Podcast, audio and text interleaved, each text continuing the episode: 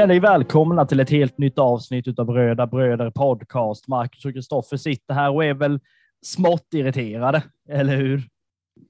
Ja, alltså det känns väl ganska ja, onödigt irriterad, kan man säga så?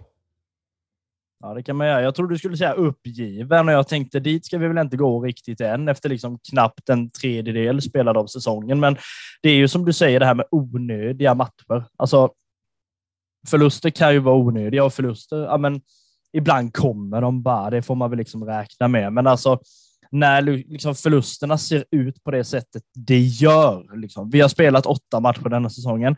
Fyra vinster, fyra förluster. Vi är ju inget krysslag överhuvudtaget kan man ju säga, men samtidigt så Alltså de förlusterna som kommer, egentligen tre av dem hade vi ju liksom kunnat skita i. Alltså visst, jag kan ta Malmöförlusten, absolut. De är bättre än oss stora delar av matchen. Sundsvall, Kalmar går ner sig fullständigt, släpper in sista bollen innan visslan. Norrköpingsmatchen, man är totalt ovakna. Alltså sovande fullständigt, vilket också känns onödigt. Och sen har vi liksom nu Häckenmatchen, där det liksom också bara är som att trycka på knapp och så kommer det något annat lag som bara spelar. Det är liksom alltså tre förluster. Jag säger inte att de ska vara vinster, men förluster ska de ju definitivt inte vara. Nej, det är ju det jag menar med att man är lite onödigt eh, irriterad. Eh, Sundsvallsmatchen är ju ett eh, platt fall. Eh, Norrköping är man ju bra liksom, men det är ju, det är ju Norrköping som, ja, de, de har sina lägen och, och gör mål. Eh, det gör man väl alltid, men, men ändå det är, Kalmar liksom, eh, har ju det mesta av spelet i den matchen. Eh, och sen eh, Häcken-matchen är ju, ja, alltså det, man hade ju hoppet man hade innan matchen. Eh, det var väl en del som tolkade lite hybris i mig att eh, man slår C-ledarna och sen ska man åka dit och bara sopa, sopa mattan med Häcken. Eh, det blev ju inte riktigt så. Och, och de tankarna fortsatte ju redan i den, ja vad var det, andra minuten va, när vi tog ledningen. Eh, som tyvärr blev registrerad som ett självmål. Eh, det var ju synd för Isak Jansson och hans eh, poängproduktion. Men ehm, eh, ja, alltså den, den vågen red man ju på. Och sen så blir man nedtagen på jorden och andra halvlek ser ju ut som att, ehm, ja, ville de, ville de vara där liksom? Ja, men det ser ju väldigt lustigt ut och det är väl det, det, är väl det som är alltså, det tråkiga i det. Alltså, det är klart att man kan tolka det som en hybris när du liksom sitter och säger i ett avsnitt innan att men vi har slått serieledarna utan problem och nu ska vi ner och spela mot Häcken. Alltså Häcken är ju ett gäng du aldrig egentligen vill möta och framförallt inte där heller. Alltså det är som att du vill inte till Malmö och spela mot dem. Hade man kunnat spela bortamatchen mot Malmö på liksom neutral mark så hade man ju tagit det alla dagar i veckan känner jag. Där nere är de livsfarliga det måste vi liksom ändå ge dem och det kan man ju säga med alltså till Häcken också. Alltså det är ju många lag som har kommit dit och ja, men, förlorat allt i princip vad de har pratat om innan matchen och Häcken bara spelar på det sättet som de gör och bara tar över det. Alltså det är ju, det är ju skitbra gjort av dem, men det är ju liksom irriterande, något fruktansvärt. Och precis som du säger sen med men Isak Jansson får in, eller om det nu är ens är han, jag vet ju inte, det snubblades ju hejvilt där och bollen bara rullar in som gammal Fifa 98 mål där liksom pixlarna inte hänger med bilden. Liksom. Det var väl lite så det såg ut som. Och, ja, men det såg väl liksom ut som att ja, men nu kanske vi promenerar hem det här lite smått då ju, vilket absolut inte händer, utan man går ner sig väldigt, väldigt mycket. Och alltså, hade jag fått önska så hade man väl kunnat spela 90 minuter i ett bräde, bara skita i den här förbaskade halvtiden, för det är ju alltid den som pajade. Ja, denna matchen var det ju det. Eh, det kändes som att eh, det var ett helt annat, helt annat lag i, i andra halvlek, negativt sett då. Eh, Häcken tog över och, och ehm, ja, alltså styrde och ställde egentligen i andra halvlek. Och jag tycker väl att det är väl lite som, eh, som Rydström är inne på efter att vi, vi bjuder dem ju på, på de här situationerna. Det är ju inte, ja, de har Jeremejeff och han är skicklig, men det är ju inte så att eh, de eh, spelar som bländande Barcelona-fotboll och de eh, är så jättemycket bättre än oss. Det är ju inte det det, det handlar om. Utan det handlar ju om att eh, enstaka situationer så är man inte, så är man inte hundraprocentigt vaken. Eh, och, ja, alltså, och den här diskussionen att man, eh, man skyller på, inte laget och spelarna och ledarna, men eh, supportrarna en del säger ja men det beror på att vi har så mycket skador som eh, det blir förlust i denna matchen. Och den kan man ju diskutera lite, eller vad säger du? Ja, jo, men det kan man väl. Alltså det, vi måste ju ändå gå tillbaka pyttelite till den när du säger att de spelar väl ingen, ingen direkt eh, Barcelona-fotboll. Nu höll jag på att säga så här, det kanske man kan säga att de gör, för i år är ju Barcelona klappkassa i mina ögon och har ju haft jätteproblem. Och liksom, då är det ju inte fel att kanske jämföra dem med eh, Häcken på det sättet. Alltså, nu säger jag inte att Häcken är dåliga i år, det är de inte. De är bättre i år än förra året, men det är ju liksom. Alltså, de spelar ju ändå en typ av fotboll som gör att Kalmar liksom går bort sig he, alltså i, i andra liksom halvlek framför allt och liksom.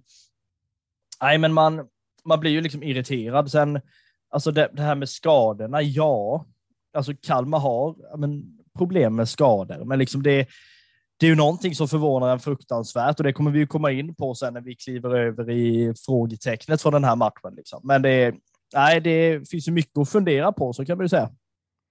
Ja, det, det gör det verkligen. Det, det finns, eh, finns en del grejer man kan beröra i, i denna matchen. Ja, vi tänker väl att vi gör som så att vi eh, ska kliva in i i matchsegmentet på allvar här då. Liksom att, eh, men Häcken vinner ju matchen med 3-1. Ehm, och så vidare. Det blir ju mål av Isak Jansson för Kalmar då. Sen är det ju Jeremejeff som naturligtvis gör mål. Det var ju inte konstigt. Vi varnade ju för han innan matchen och det, vi var väl inte de enda att varna för honom. Eh, sen får ju ja, men Rygård in eh, 1-1 målet och han var ju matchens profil i Discovery och alltså med all rätt. Det här är ju ändå en spelare som har men han visar ju offensiva kvaliteter på ett sätt som liksom, men, gör det svårt för motståndarna. Liksom, jag tycker inte man kan lasta liksom, eh, alltså Ricardo för egentligen något av målen. Nej, eh, inte direkt. Jag vet inte eh, om straffen är han väl inblandad på, eh, kan man väl säga, men, men inte, eh, ja, de andra känns väl inte, ja, nej, jag vet inte vad jag ska säga. Alltså, han, man kan ju inte lasta han för, för alla mål, det, det håller jag ju med om. Det är ju ett, ett kollektivt försvarsspel som, som fallerar i, i stora delar. Ja, nej, men det är det ju verkligen. Alltså det, jag, jag vet inte riktigt vad, men, varför det blir som det blir. Liksom. Visst, en straff är alltid en straff oavsett om man tycker det eller inte och liksom, den blir ju mål men, väldigt många gånger av tio i alla fall. Så att, menar, där, där är det ju inte konstigt. Men alltså, att det kan se ja, men så fruktansvärt lustigt ut alltså i, i liksom ett av målen. Nu vet jag inte om det är 1-1 målet eller 2-1 målet eller vilket det nu är, men det är ju ett mål där vi liksom totalt bara låter den Alltså om det är deras ytter eh, mittfältare eller vad det nu är som bara gömmer sig bakom bortre stolpen och sen liksom kikar fram där liksom ingen går in och tar han överhuvudtaget. Det är ju återigen det här tafatta liksom försvarsspelet när det kommer inlägg. Jag fattar inte det. Vi har ju liksom varit ja, men, odödliga på det liksom att, och verkligen inte tagit någon skit alls med att, förva, med att försvara oss mot liksom bra inlägg. Jag menar, vi har ju haft både Bagan och Jesus Lantz och alla möjliga som har bara nickat bort allt i princip. Och vi har ju mittbacken som ska kunna göra ett liknande jobb också, men ändå lämnar man han längst ut. Alltså, kolla runt dig. Ja, alltså de eh, mittbackarna som eh, vi har i denna matchen är ju Sjöstedt och, och Sätra. Eh, och den, den mixen har ju, har ju varit bra innan. Det såg vi ju framförallt förra säsongen, där de kompletterade varandra ypperligt. Alltså Sätra, stor, stark, bra på huvudet. Eh, och Sjöstedt är ju, ja, han är ju bra på allt egentligen. Eh, snabb, eh, speluppfattning, kan liksom ta de här djupledslöpningarna som, ehm, eh, ja, alltså nej, och ingenting av det här tyckte jag man kände igen alls. Det, det var mycket märkligt alltså. Ja, alltså sen är det väl lite så som vi har pratat om. Det är liksom två ansikten i princip eh, på Kalmar FF. Eh, 2022. Man kan prestera extremt bra mot vissa lag och sen totalklappar man ihop i liksom andra.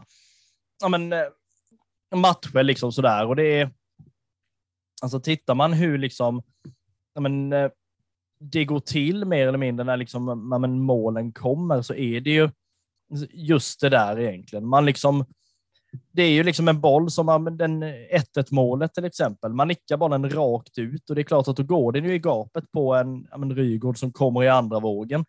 Där liksom, ja, men det är ingen som har koll på att han kommer. Väldigt många, typ Romario, står och kollar boll helt i onödan, trots att det liksom är tre gubbar på rätt sida. Och det, då blir det ju liksom sen en paniklösning där liksom två spelare ska in på han när han liksom ska skjuta. Och det är ju inte så svårt att göra mål då när man lämnas ganska så ensam, men liksom frustrerande är det ju, om inte annat.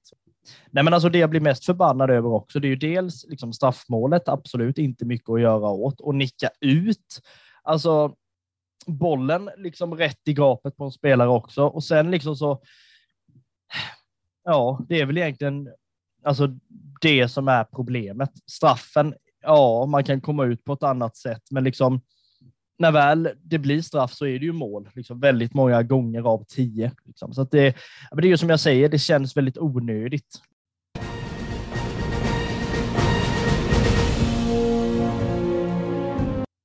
Men om man liksom tittar generellt kring hur matchen är så är det ju liksom så här, det är en väldigt tråkig match på många sätt. Alltså framför allt med, med de rödvita ögonen är det ju inte kul. Alltså efter liksom det här 1 målet kommer och men Häcken tar över mer och mer och det är ju som vi sa innan, jag menar de läser sönder Kalmar till slut och liksom hittar ja, men, vägar där Kalmar blir väldigt tafatta. Liksom. Det enda egentligen som är det positiva nu om man ska se till hur den här matchen ser ut så är det väl att eh, ja, men, vi har en allsvensk debutant igen. Ja, det har vi. Eh, och det, det, jag vet inte hur många hade vi förra året. Det var väl var det två, tre stycken i alla fall. Eh, denna matchen och i år framförallt då så, så är det ju eh, Leon Isa som eh, blir inbytt i 85 minuten och gör sin allsvenska debut och det säger vi ju givetvis stort grattis till. Ehm, han har väl suttit på bänken någon mer match denna säsongen eh, men fick då inte hoppa in. Men det, det fick han som sagt mot Häcken.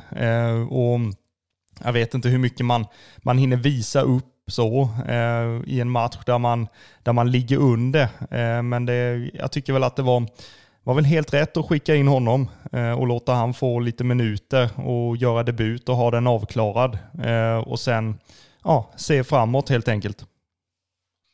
Ja, man kan ju säga lite så här, är matchen förlorad kan du skicka in vem du vill egentligen. Alltså, nästan lite så. Det är ju jättegrattis till Leonisa att han gör allsvensk debut. Sen tror jag väl att han kanske hade velat göra det i ett annat läge naturligtvis. Men här kommer vi ju liksom över mer eller mindre på någonting som vi faktiskt men, ska diskutera. Och det är ändå matchens frågetecken som jag vill att vi tar innan stjärnorna och allt annat. Vi satt och pratade lite om det här du och jag när vi såg liksom själva startelvan och bänken om vi liksom tar hela den startelvan och bänken så låter ju den så här. Med 4-3-3. Ricardo Friedrich i mål. Axel Lindahl, Lars Sätra, Rasmus Sjöstedt och David Olafsson i backlinjen. På mittfältet Viktor Backman, Carl Gustafsson och Noah Shamoun. I anfallet Isak Jansson, Oliver Berg och Romario har jag fått till mig. Kollar vi sen bänken så är det Kindberg, Elias Olsson, Erik Israelsson, Leonisa, Douglas Bergqvist, Johan Stenmark och Rasmus Elm. Rasmus Elm, jättebra spelare när han spelade innan. Men alltså någonting som jag ändå måste ställa mig frågande till, det är har vi så klappkassa urspelare? Att det liksom är att en spelare som har lång skadehistorik, som liksom nu är liksom tränare istället, är det liksom så pass illa längre bak i liksom U-ledet att liksom, ja, men, ass, assen går före dem. Nej, men det är klart att man blev förvånad när man ser Rasmus Elm på bänken. Eh, han fanns ju på bänken en eller två gånger i eh, Svenska Kuppen eh, men eh, då blev det ju ingen speltid. Eh, han har ju gått ut i, i eh, tidningar efter denna matchen och sagt att eh, han är ju sist på listan. Det är ju inte han som ska in. Ehm, han är ju liksom Eh, ja, längst ner på listan över, över inhopp så kan man ju säga. Eh, men sen är, sen är det ju en, en eh, befogad fråga. eh, hur Rasmus Elm sitter på bänken när det finns eh, ett gäng U-spelare som kanske skulle göra det istället. Jag vet inte om det handlar om att U19 spelade dagen innan. Eh, skulle man ha kunnat ta med någon spelare i ifrån den matchen istället upp till A-laget. Hur ser det då ut med påfyllnaden eh, under U19 eh, finns det spelare som kan ta en U19-plats då istället. Eh, den här frågan får vi nog ställa när vi får möjlighet att prata med någon kanske som finns i, i eller runt akademin till exempel och, och lite sånt.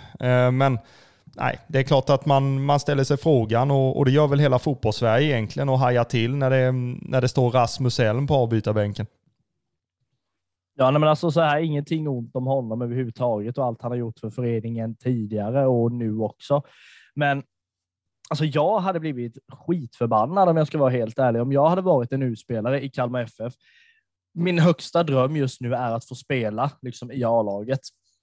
Och så ser man när startlistan kommer ut inför matchen dagen efter och så ser man att ja, men man har plockat liksom ASS-tränaren. Man liksom gör sig inte ens mödan att ta någon av liksom U19-grabbarna eller någon i U21, liksom, där vi också har folk. Alltså jag hade blivit väldigt, väldigt alltså ifrågasättande på det sättet. att liksom, Men alltså går folk fortfarande liksom framför dem? Liksom, jag, jag förstår inte det. Jag vet inte alltså hur, hur, du hade känt överhuvudtaget om du hade spelat i något lag och sen kommer ja, men, någon från liksom, organisationen in och bara, men jag kan ta en plats. Och precis som du säger sen, om han väl går ut i tidningen och säger, jag är sist i ledet, meningen är inte att jag ska ta en plats. Menar de då att de, det ska bara fyllas ut en stol där då? Så de, de tar liksom hellre en spelare som inte ska hoppa in och spela, än att de liksom plockar en kille ifrån U19, kanske ger han chansen. Jag menar, vad liksom, alltså förstå mig rätt nu, men det är lite som att, ja men, eh, ja, vad ska man säga, Kindberg blir skadad, eh, Friedrich blir skadad och vår tredje keeper blir också skadad. Istället för att plocka liksom en U17-kille eller U19-kille, nej men då sätter vi Donald i mål. Alltså, vad var liksom, fattar du vad jag liksom vill komma? Jo, jag fattar. Eh, det gör jag. Men sen är det väl att Ja, är de, eh, är de U19-spelarna redo för en eh, allsvensk bänk? Det vet man ju inte heller. Och man vet ju inte bakgrunden till detta överhuvudtaget. Eh, mer än att man kan gissa sig till att det är skadelistan blandat med att U19 spelade dagen innan. Det är väl, det, det är väl de gissningarna jag kan, jag kan komma med egentligen. Annars så har jag väl ingenting att gå på överhuvudtaget. Sen resten är ju bara, resten är ju bara spekulationer. Eh, och som sagt, inget ont om Rasmus Elm överhuvudtaget. Hade han kommit in eh, sista tio till exempel så hade han ju dominerat. Det vet ju vem som helst. Men ja, samtidigt så, så finns ju frågan om, eh, alltså jag hade till exempel Eh, ja, förra året så, så fanns ju Isak Vidjeskog eh, tillgänglig på bänken. Eh, han eh, startade U19 och var, var kapten eh, dagen innan matchen mot Häcken. Och ehm, ja, är inte han redo för, för en allsvensk bänk? Eh, det, det kan man ju fråga sig. Men ja, alltså jag skulle vilja ha svar på det här från någon som, eh, som jobbar kring akademin, hur liksom turordningen går eller sådär. Eh, och, nej, jag, jag vet inte riktigt. Nej, men den är ju intressant oavsett. Liksom. Det, är, det är ju någonting man kan spela vidare på. Men oavsett det så är ju matchens frågetecken assisterande coach på bänken istället för en U19-spelare. Varför?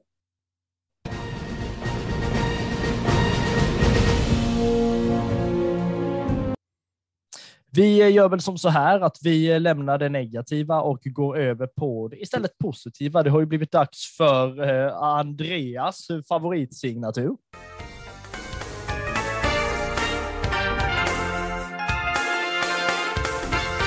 Matchens tre stjärnor. Matchens tre stjärnor är det vi ska gå igenom. Vi gör ju i sedvanlig ordning så att vi delar ut en stjärna, två stjärnor, tre stjärnor i den ordningen. Eh, och jag skulle gärna vilja ge er matchens eh, ja, men, första stjärna, eller den som får en stjärna helt enkelt. Jag hade faktiskt velat ge den till Axel Lindahl. Jag tycker liksom att det är ingen jättelätt match. Han gör det liksom, han försöker och liksom, han har ändå det här goet i den här matchen tycker jag, vilket han har i princip i varje match. Eh, hans jobb är liksom att ut på högerkanten, låt eh, ytterspelarna i motståndarlaget åka allt vad de kan och sen försök att skicka in någon boll på mål. Det är väl liksom typ jätteförenklat det som Axel Lindahl ska göra. Och jag tycker väl att det han försöker göra, det lyckas han med i denna matchen, även om lagets prestation är liksom inte särskilt bra. Men liksom en stjärna till Axel Lindahl. Ja, men som eh, stjärna nummer två eh, så har jag valt, eller vi har valt, eh, Oliver Berg. Eh, för jag tycker att han, han, han är ju den som vill vara delaktig eh, i det mesta i spelet. Eh, han försöker, men det, det håller ju inte hela vägen, men det gör det ju inte för någon spelare i den här matchen. Så att det, Oliver Berg får två stjärnor.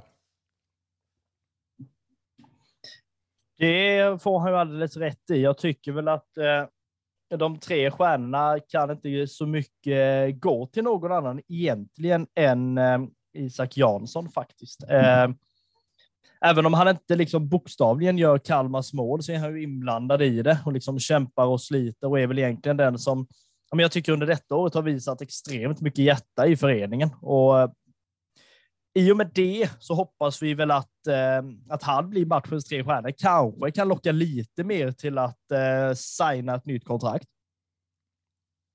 Det hade ju varit eh, väldigt fint. Eh, det, det, spekuleras ju eh, mycket kring eh, Isak Jansson eh, och det, det, gör det ju runt eh, Oliver Berg också. Eh, framförallt eh, förra veckan. och Isak Jansson får, får gärna krita på ett nytt kontrakt. Vi, vi får väl försöka få den här gamla dängan som vi körde för, för Fröling att eh, mynna ut i någonting positivt. Eh, Ståplats sjöng ju den ett antal gånger och inte, inte skrev Fröling något nytt kontrakt där inte. Men eh, det kanske Isak Jansson kan göra istället då.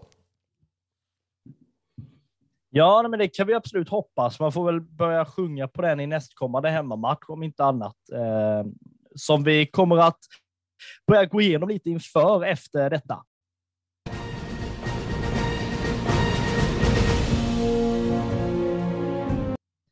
Röda Bröder har ett samarbete ihop med grabbarna på Local Legends. Eh, grabbarna trycker tröjor till de som de tycker förtjänar en sådan och därmed oftast de lokala legenderna i både Kalmar och i lokalbollsserierna.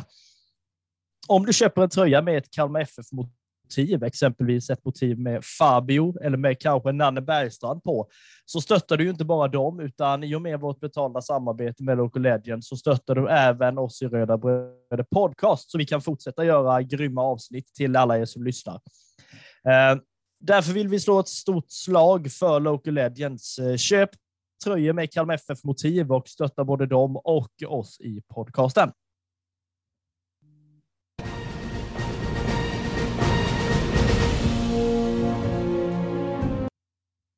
Jag vill samtidigt eh, slå ett slag för eh, min bok som ligger ute till försäljning. Boken Från pappas knä till pressläktaren tar upp eh, mina 20 år som eh, supporter till Kalmar FF. Dels hur man växer upp som supporter och hur ett lag kan bli både ens vardag och ens helgdag och egentligen ja, men, känneteckna allting man gör överhuvudtaget. Det är så här att boken finns tillgänglig bland annat på bokus.se det är också så att Kalmar FFs shop har tagit in boken och eh, återförsäljarna rullar på. Akademibokhandeln, Dillbergs i Kalmar och nu senast också Akademibokhandeln i Kristianstad, hör och häpna. Eh, man kan köpa den på de här olika ställena. Priset varierar lite beroende på eh, vad de väljer att ta för den. Men vill ni köpa den till det absolut förmånligaste priset så kan ni mejla mig på mkwriting1outlook.com. Jag vill samtidigt rikta stort tack till alla er som har eh, köpt eh, denna boken. Det betyder jättemycket och tack för att ni stöttar det jag har börjat bygga på.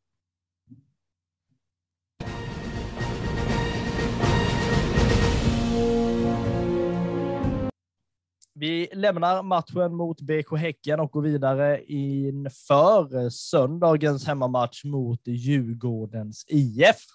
Djurgårdens IF grundades ju torsdagen den 12 mars 1891 på ett café ute på Djurgården eh, som numera heter Djurgårdsvägen faktiskt eh, enligt eh, deras egna hemsida. Djurgården Fotboll grundades dock ett antal år senare, det vill säga 1899. Man eh, har ganska stor tradition med att vinna troféer. Bland annat har man 12 SM-guld i fotboll. De ser, det senaste kom eh, 2019. Man spelar på samma arena som Hammarby, Tele2 Arena med en kapacitet på 30 000. Man har i på tränarbänken eh, de två herrarna Kim Bergstrand och Thomas Lagerlöf. Och Kristoffer, hittills så ser tabellplaceringen och formen relativt bra ut. Ja, eh, alla som eh, håller på Djurgården eh, svävar väl på moln just nu. Jag har ju en och annan i i min närhet som, som har valt blåränderna som sitt favoritlag. Och man ligger just nu på en fjärde plats i tabellen när vi spelar in detta med, med 15 inspelade poäng. På de tre senaste matcherna så har man oavgjort i två stycken och nu senast en vinst. Eh, och eh, då har det ju varit eh, motstånd som Helsingborg, på hemmaplan där man spelade 2-2. Man åkte till Borås och fick 0-0 och nu senast hemmamatchen då mot Malmö FF där man ja, gjorde processen, ja, kanske inte kort med dem, men man sopade dem med 4-0. Och det är ju väldigt trevligt för de som håller på, på Djurgården. Eh, att eh, komma med en, med en eh, fin form till, eh, till matchen mot oss. Eh, och eh, deras eh, två bästa målskyttar kan vi ju nämna också då är ju Viktor Edvardsen och eh, Joel Asoro som har gjort tre mål vardera. Ehm, och ja, ska man titta på Djurgårdens startelva då i senaste matchen och kanske den som man kommer ställa på, på benen i eh, matchen på Guldfågeln Arena så är det ju Videll Zetterström i mål. Eh, duktig målvakt. Eh, var ju ute i, eh, eh, vad ska man säga, januari-turnén som inte blev av. Eh, var han ju uttagen i. Eh, högerback är ju vår gamle vapendragare där, Piotr Johansson. Eh, sen har man ett mittbackspar med Hien och Ekdal och en vänsterback i Pierre Bengtsson. Eh, tremanna mittfältet är ju Findell, Eriksson och Schüller i den matchen i alla fall. Vi får se om de ställer upp så mot, mot oss. Eh, tremannaanfallet var ju Radetinac, eh, Edvardsen och eh, Haksabanovic. Det, alltså det är ju ett lag fullt med profiler, eh, eller vad säger du Max? Ja, men det är ju verkligen det. Eh, Framförallt så är det väl spelare som man får se upp med egentligen på alla positioner. Eh, bland annat är det ju så att Magnus Eriksson, lagkapten, härförare i liksom Djurgården och eh, som också liksom står för den här attityden och stoltheten att få spela eh, för Stockholmsklubben helt enkelt. Sen är det väl också så här, man har både Edvardsen som inte har kommit igång, men liksom den björnen som sover blir ju förbannad när han vaknar till slut. Likadant Haksabanovic Ehm, har ju gjort det bra hittills, inte heller kommit igång helt och hållet. Men pratar vi liksom traditionsbärare och sånt i Djurgården så är det ju Haris Radetinac vi pratar om. Så är det absolut. Ehm, och eh, Haris Radetinac, han blir ju äldre och äldre, ehm, men han blir ju inte sämre och sämre, eh, kan man ju inte säga om man frågar Djurgårdssupportrarna. Eh, han han, han, spelar ju egentligen där han eh, blir satt och, och, och spelar. Han har spelat högerback, han har spelat på mittfältet, han har spelat i anfallet. Det är väl det enda han inte har spelat, det är väl målvakt va? Eh, annars har han ju tillhört alla lagdelar och han, han gör ju sitt yttersta för, eh, för klubbmärket eh, och för sina supportrar. Han är ju en, en, en favorit hos eh, Djurgårdspubliken eh, och står ju väldigt mycket för ja, det här Djurgårdstraditionen eh, och hur man ska bete sig som eh, Djurgårdsspelare. Eh, mycket av det står ju han för med mycket stolthet, mycket passion, mycket eh, alltså krigande och mycket hjärta egentligen. Eh, så det är väl en, en spelare jag vill fokusera på och det är inte bara för att, alltså om han, eh, det är inte den som gör mest poäng, det är ju, det är, det är ju dit jag vill komma, utan det är ju det är ju en eh, spelare som står för väldigt mycket tradition och eh, är väldigt omtyckt av sina supportrar, likt Emi Nouri var, eller är hos oss. Ja, nej, men verkligen. Och eh, liksom en spelare som Haris Radetinac, han går in på sin tionde säsong i den blårandiga tröjan och skrev ju på nytt kontrakt under förra året. Ehm, men eh, till över då 2022 säsongen. Så att är det någon som kanske inte alltid tar en startplats jämt så är det ju ändå så att det är en spelare att hålla koll på. Han vet vad Djurgården står för och andas väldigt mycket av den eh, attityden, ska jag säga. Om vi tittar till hur senaste mötet lagen emellan slutade så var ju den under förra säsongen när man förlorade på bortaplan mot då Djurgården med siffrorna 3-2. Inte superfarligt ändå faktiskt. Men om vi skulle gå in och gissa Kalmars startelva inför kommande match, eh, hur tror du den ser ut då? Ja, eh, det är ju just nu i de här tiderna som eh, Kalmar FF befinner sig i så är man ju i en, i en situation med mycket skador och framförallt på tänkta startspelare. Det är jättesvårt att och gissa vilka vi ställer på benen. Men om man ska dra någon gissning så där så är väl, eh, ja, Friedrich, eh, han känns väl ganska ohotad i mål va? Ja, men det tror jag väl. Sen är det väl också så här att eh, beroende på hur liksom skadelistan ser ut så tror jag väl ändå att det kommer bli hyfsat likt. Det är väl liksom de här, ja, men de som slåss om platserna egentligen är väl det är ju liksom eh, i mittlåset. Ska det vara Sätra Sjöstedt? Ska det vara Sätra Bergqvist eller ska det vara Sjöstedt Bergqvist? Det är ju liksom nästan där jag tycker att det, det tjafsas mest eller så, eh, beroende på vilken eh, position man ska ha. Annars så tror jag väl att det kommer se men, hyfsat likt ut i, i denna matchen som det såg ut eh, faktiskt i startelvan mot eh, Häcken. Jag tror inte det kommer ändras superduper mycket faktiskt. Eh, oavsett vem vi tror kommer komma in så är det väl så att Isak Jansson är fokusspelare i Kalmar FF inför denna matchen. Han var ju bästa Kalmarspelare i matchen mot Häcken, jobbar ändå mycket i det tysta och betyder väldigt mycket. Även så är det så att han med sin liksom snabbhet i offensiven och snabbhet med boll så är han ju ett ständigt hot mot eh, de allsvenska försvaren och det är ju absolut inte förvånande att liksom han har eh, ögonen på sig utifrån. Nej, det är det inte. Eh, det händer ju väldigt mycket kring, kring Isak Jansson, inte bara utanför planen utan på planen när han, när han eh, ja, både offensivt och defensivt egentligen, eh, med och utan boll. Han är ett ständigt hot med boll, han är ett irritationsmoment utan boll. Så han är ju jobbig oavsett. Men ja, ska man fokusera lite på startelvan igen till exempel så är det ju så att Lindahl vet man ju inte om han är, är fit for fight till matchen till exempel. Eh, blir det då en eh, trebackslinje med kanske alla tre mittbackar där med Bergqvist, eh, Sätra och Sjöstedt? Kan det bli så? Det kan det ju bli. Då höll jag på att säga, då har vi väl allsvenskans långsammaste backlinje nästan då.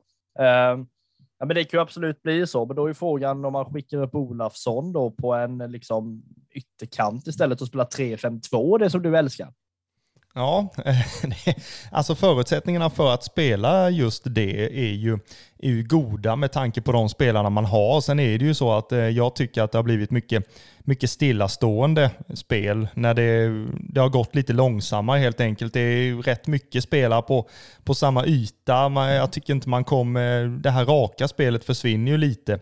Men eh, nej, alltså det, förutsättningarna som sagt är ju rätt med tanke på de spelarna man har och om det är en skada på, på en eh, ytterback till exempel som Lindahl nu då så kan man ju spela Isak Jansson där till exempel ehm, och eh, fylla på då med en, med en extra mittback istället då.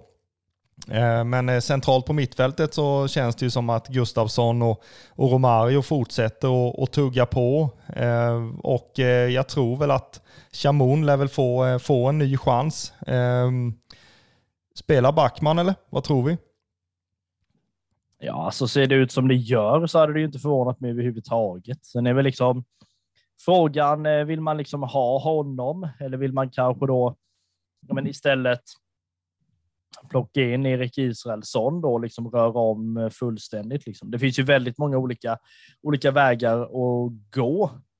Um, sen är det väl så här, man kan ju också ja, men, gå ner på en fembackslinje egentligen för att liksom verkligen stänga till det. Men då är ju frågan också hur, hur mycket kommer Djurgården få smaska in på Kalmars planhalva för att sen liksom bara stå och bolla runt liksom, och köra triangelspel genom det försvaret. Liksom. Jag tror inte man ska jag tror absolut inte man ska liksom hålla på och ändra för mycket. Liksom. Är det något lag som kommer komma som en ångvält så är det ju Djurgården. Um, Sen vet vi också mycket väl hur det såg ut. Man hade jätterespekt för Hammarby när vi skulle spela mot dem. Sen eh, såg det ut som det gjorde i den matchen. Um, så att det är ju liksom, det är väldigt, väldigt svårtippat eh, överhuvudtaget. Liksom. Men man vill ju ha bollinnehav båda lagen och det är klart att Kalmar vill vinna den kampen. Sen är ju Djurgården fruktansvärt tunga att möta i vanlig ordning. Ja, men det är de. Eh, och det är där jag tror att eh, själva kampen kommer att vara. Eh, kampen om bollinnehavet. Det är ju två lag som, som vill ha bollen och styra matcherna och gör det ofta på ett, på ett bra sätt i de matcherna där man inte kanske möter ett likvärdigt lag, eller vad man ska säga, när, när det kommer till just den biten. Men ehm, ja, eh, det är väldigt svårt, eh, svårtippat och väldigt ehm, svåranalyserat innan matchen. Eh, det var länge sedan jag kände så här faktiskt, att det är så pass mycket, mycket osäkert eh, kring detta. Eh, och ehm, nej, det är, man, man vill ju gärna ha, ha full koll på grejerna och det, det känner jag väl att eh, jag har inte det inför denna matchen. Det är väl inte vi som ska ha det heller om jag nu ska vara sån. Vi ska väl vara glada bara att vi kan ha någon som helst liksom, tanke eller åsikt. Sen vad vi säger i den här podden liksom, taktikmässigt, det spelar ju ändå ingen roll. Jag tror inte Rydström och de andra tar liksom, våra ord med, på så stort allvar när vi försöker liksom, ja, få fram någon form av taktiktavla här. Liksom. Eh, men samtidigt, vi kan ju spekulera hur vi vill och sen ha hur fel vi vill. Det är ju liksom lugnt i alla fall. Något som liksom inte är lugnt är ju den som har valt att dra igång en grästrimmer här utanför. Alltså är, är, det så att, är det så att han också, likt den här förbaskade glassbilen som var här för fem avsnitt sedan, också håller på öst och ska paja eller? Ja, men vi kom överens om att glassbilen höll ju på Kalmar. Eller var det inte så vi sa sist? Och det var väl det vi i alla fall försökte komma överens om. Liksom. Han har ju inte varit här sedan dess, så det kanske är lite därför. Men den här muppen som har dragit igång en grästrimmer ska vi väl nästan ut och, och kolla till det. Ska sätta en stor skylt här på dörren. Inspelning, knip igen ska det stå. Ja, det, det kanske är lämpligt. Han kanske vet att du, att du gör det ändå. Liksom. Och sätter du upp en skylt så lär han väl vara där ändå.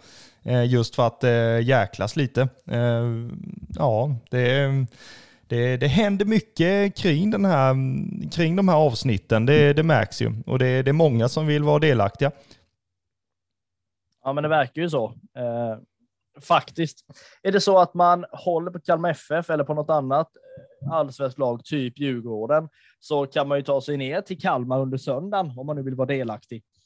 Eh, får hoppa över på det igen, så är det ju så här att eh, man har ju sålt eh, ja, men lite över 5 000 biljetter tror jag redan idag Eh, Eh, som då är onsdag kväll och det pratas ju återigen om att liksom kurvan kommer bli slutsåld. Alltså det är ju, jag tror det var länge sedan där vi liksom sålde slut kurvan liksom gång på gång på gång, så det nästan liksom är bud på att ja, men, såga väck de här stolarna liksom och låt eh, hela, hela den sektionen bara ösas på med mer folk. Ja, eh, det, det håller jag med om. Bort med Alltså säljer man slut ståplatsbiljetterna så, så bort med stolarna så, så det kan fyllas på med ännu fler ståplatspublik. eh. Liksom. Jag tror inte man, ja sätter man sig där, jag vet inte om, del, deltar de i sångerna sådär jättemycket. Jag, inte för att jag är där och kollar dem som sitter där, men, men eh, tar man bort eh, stolarna så kanske man kan få en, en ännu bättre stämning men det är klart man kan. Liksom. Dels blir det ju fler som står och rycks med i det. Liksom. Sen är det väl, ja, men också vill man inte liksom ta bort dem helt och liksom ha dem för liksom något eventuellt Europaspel någon gång, om vi nu ska sticka ut hakan då, så kan man väl köra någon sån här safe stand eller vad det heter nu, sånt där man liksom, ja, man skruvar upp stolarna i alla fall så att de liksom ändå är där, men man står framför en stol. Det kan man väl liksom göra då. Men det här är ju någonting, ja, det, det, får man ju ta längre fram. Jag har ju tjatat rätt mycket på sociala medier om att plocka de här stolarna, men liksom det får vi väl se om det liksom blir, blir fallet någon gång. Oavsett om med stolar eller inte stolar så ska det ju spelas fotboll på söndag och eh, vi ska ju gissa resultat.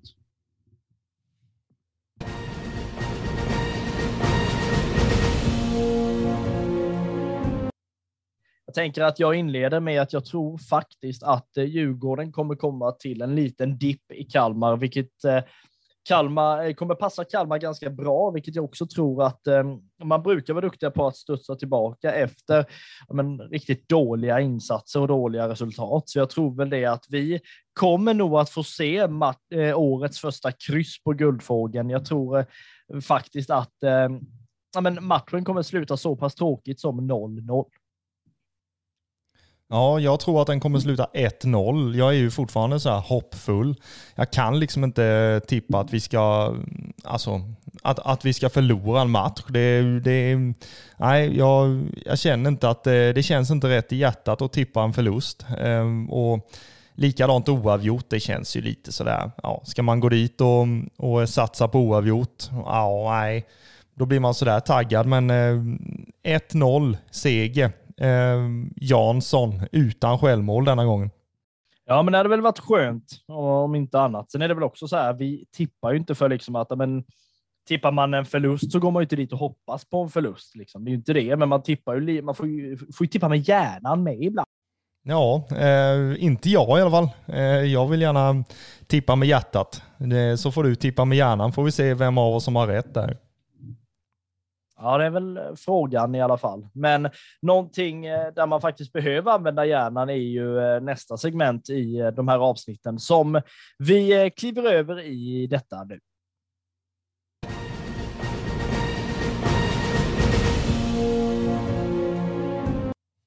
Det är ju tajt i toppen som någon en gång sa i Röda Bröder Podcasts fantasyliga ser topp tre ut som följer. Vi har David Vandar, eller Vandar med Sofo Suckers. Vi har på andra plats lag La Manga med Wilmer Larsson. Och sen har vi nu på tredje plats eh, Rickard Karlsson med Förjärvet, tror jag det eller Fördärvet kanske det, det ska stå. Eh, den som i alla fall knaprade ihop flest poäng i den här omgången är Johannes Bäck och Butina FC med 101 pinnar. Eh, kollar vi hur vi i podden ligger till så ser det bra ut för mig i alla fall. Jag har hoppat upp till 27 plats. Kristoffer ligger stadigt på 30 plats och Andreas ligger på 35 plats. Det är ju så här att nu gasar vi ju på så smått. Ja, alltså på rak arm här, men det är inte jättesvårt att få mycket poäng när man har Jeremejeff och Bahoui. Speciellt inte när du hade Bahoui som kapten, då förstår man ju att det landar in 24 pinnar där. Men Jeremejeff, det, det gör ju både ont i hjärtat, men eh, det är ju med hjärnan antagligen du har, du har honom eh, med 14 poäng. Ja, men samtidigt är det ju så här. Jag menar, du, vill du inte vinna då? Eller? Med tanke på att du har Edvardsen och eh, vad heter han? En van, vad heter han? Silas Van Kamvo. En Van, en Van Kamvo, ja. Eh, jag tyckte han... Eh, ja, han gjorde några mål innan i alla fall. Så, eh, så han, eh, han valde jag att eh, ta med. Sen hade jag ju skador på, på både Skrabb och eh, ja, Jehadze trodde jag väl inte att han skulle göra en sån kanonmatch mot, eh, mot AIK, så att han hade jag på bänken. Eh, sen eh, Edvardsen, eh, ja, han, han har ju inte kommit igång. Han var ju duktig i början där och samlade in en massa poäng, men nu, ja, det är snart innan, inom en snar framtid så, så har jag nog bytt anfallare i alla fall, så det blir lite eh, sprätt på den här verksamheten. Ja, man kan ju hoppas så om inte annat. För er som inte är med i vår fantasyliga, hoppa in där på det tåget. Vi är ju eh, ja, men så att vi växer ju lite för varje omgång i alla fall. Vi är 41 till antalet just nu, så vi kan ju bli fler och det är väldigt roligt om vi blir det också. Men eh, kolla in vår fantasyliga, det är roligt.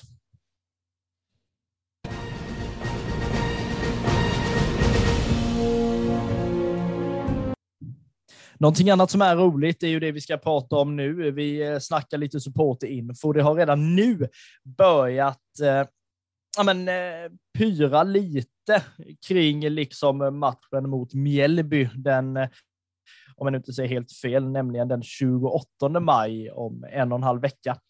Då var det ju så att eh, det var runt tusen Kalmar-supportrar under matchen förra året. Eh, och det här vill man ju naturligtvis slå. Nu så här en och en halv vecka innan matchen så är det eh, men en full buss. Man liksom försöker få in eh, mer och mer folk. Det har redan börjat att bokas på buss nummer två. Det som kanske är till en nackdel till den här resan är ju att eh, bortasektionen i Mjällby nu är reducerad Eh, från 800 platser till 600 platser. Man tyckte det blev för trångt helt enkelt när Kalmar kom dit och fyllde den till bredden. Men oavsett det, oavsett om det är eh, 800 platser eller om det är 600 platser så ska ju de ta slut. Och det är så här att det, ja, som jag säger, det har börjat att bokas på och liksom gör så att telefonerna och eh, mejlen hos de som ni bokar hos på Kalmar FFSU, att de går varma nu. För det här, det ska rulla en karavan ner till Blekinge. Det ska det verkligen göra. Eh, och eh, förra året så eh, blev ju inte resultatet det vi önskade överhuvudtaget, men själva resan var ju grym alltså. Det, det hände saker i bussen innan, alltså på vägen, med lite tävlingar, utlottningar. Eh, Micke målar och håller något tal eh, och lite sådär. Eh, så det är ju eh, värt en värt eh, den tiden och eh, det är, ja, gemenskapen som, som är på, på eh, supporterbussarna är ju att alltså du kan sätta det där helt, åka helt själv men du är inte ensam för du kommer ha vänner inom ja, tio minuter kanske om man är social. Så mm, Eh, det nej, eh, bortaresor det, det är trevligt. Och nu är det ju inte speciellt långt att åka heller, så att eh, det, det, kan väl locka ännu fler att vilja åka. Ja, verkligen. Och det här är ju liksom en överdanresa så. Det är ju liksom bussen, eller bussarna, rullar ju från Kalmar central vid ja, 11.30 och man är hemma ungefär 19.30. Så jag menar, det här är ju ja, som en arbetsdag mer eller mindre. Man kan ju passa på att säga så att vill man åka ner Eh, för att ta en öl eller två eller käka någonting innan den här matchen så bör man ju göra det på egen hand eftersom att bussarna planerar att rulla direkt till Strandvallen och direkt därifrån.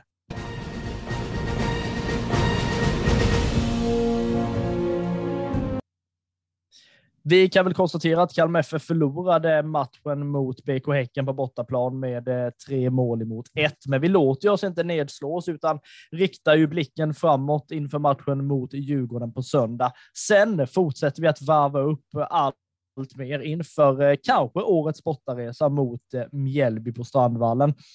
Oavsett så vill Marcus och Kristoffer tacka dig som har lyssnat på Röda Bröder Podcast.